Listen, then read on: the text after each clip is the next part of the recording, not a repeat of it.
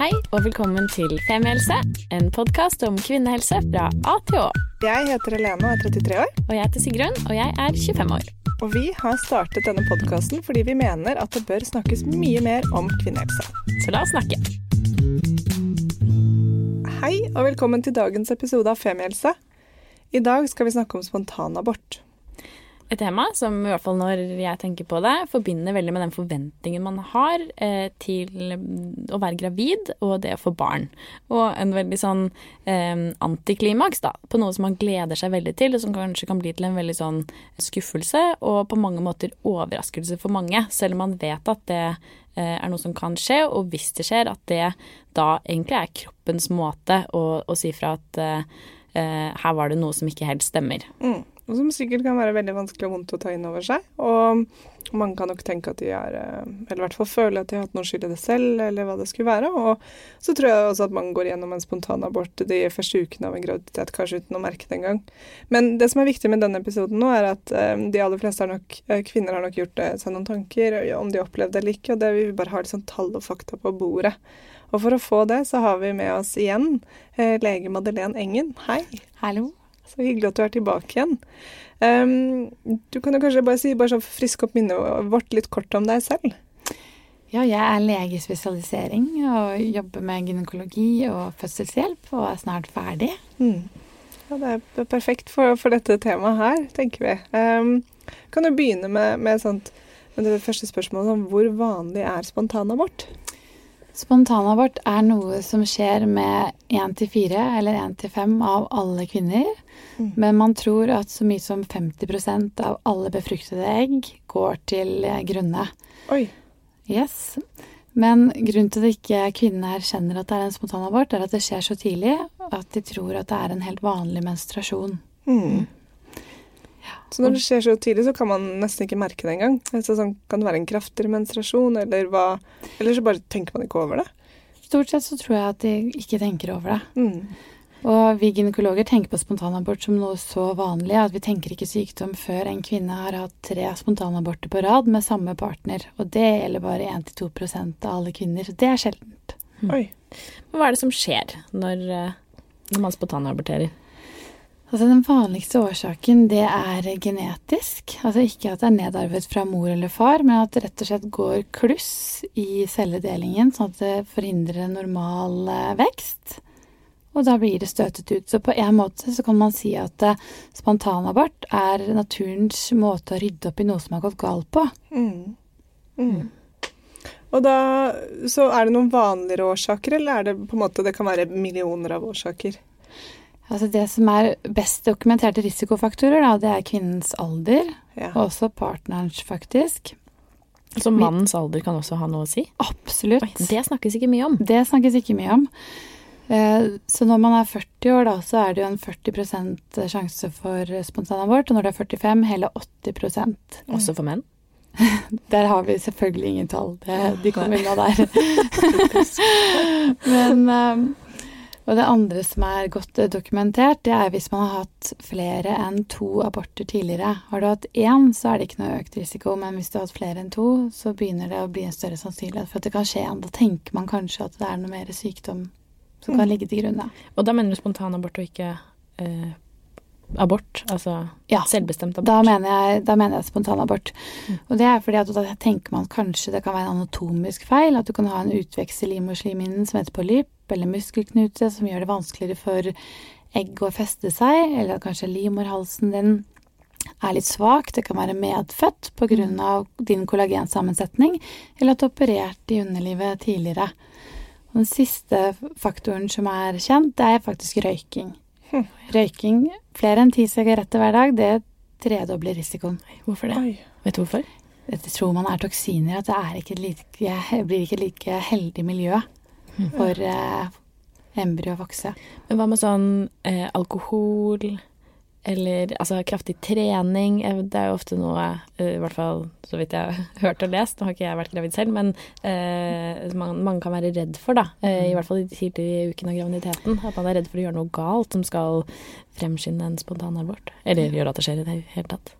Altså Man kan aldri forsikre seg mot en spontanabort. Jeg tror det er veldig fornuftig å innse når man er gravid at det er faktisk en 20-25% sjanse for at dette svangerskapet kan gå til grunne. Mm. 90% skjer før uke 12. Mm. Men det er klart at det, å unngå røyking, alkohol og alle andre rusmidler, det er en fordel.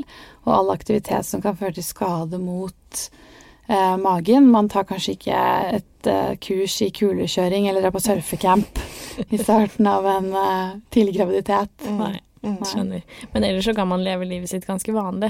Jeg er helt full, fullt for vanlig aktivitet, og samliv er heller ikke noe galt. Mm. For det er ikke Samliv som i samleie. Ja. Ja. Det er bare å ligge løs. Det ligger løst. Ja. For, for det er liksom ikke egentlig noe man kan gjøre, bortsett fra det du sa nå, for å unngå det. Nei, Nei. det er det ikke. Og det er litt viktig. Mm. tenker jeg At man ikke går rundt og da også føler på det, at, eh, at det er ens egen skyld. Ja, og det forundrer meg, og det er jeg veldig lei meg for, for jeg opplever at flere av pasientene er veldig både skamfulle og fulle av skyld, og de ønsker ofte en annen diagnose på eh, sykemeldingen enn Mm. spontanabort, fordi en pasient sa at jeg ønsker ikke at arbeidsgiveren min skal bli brydd med det her. Og det syns jeg er veldig leit. Mm. En ting som er så normalt, og så, som skjer så ofte. Jeg har inntrykk av at kvinner nesten syns det er enklere å fortelle at de har klamydiainfeksjon, enn at de har hatt en spontanabort. Mm. Det er jo veldig sårt. og det er- Man kan jo på mange måter kanskje si at det er et ganske tabubelagt tema.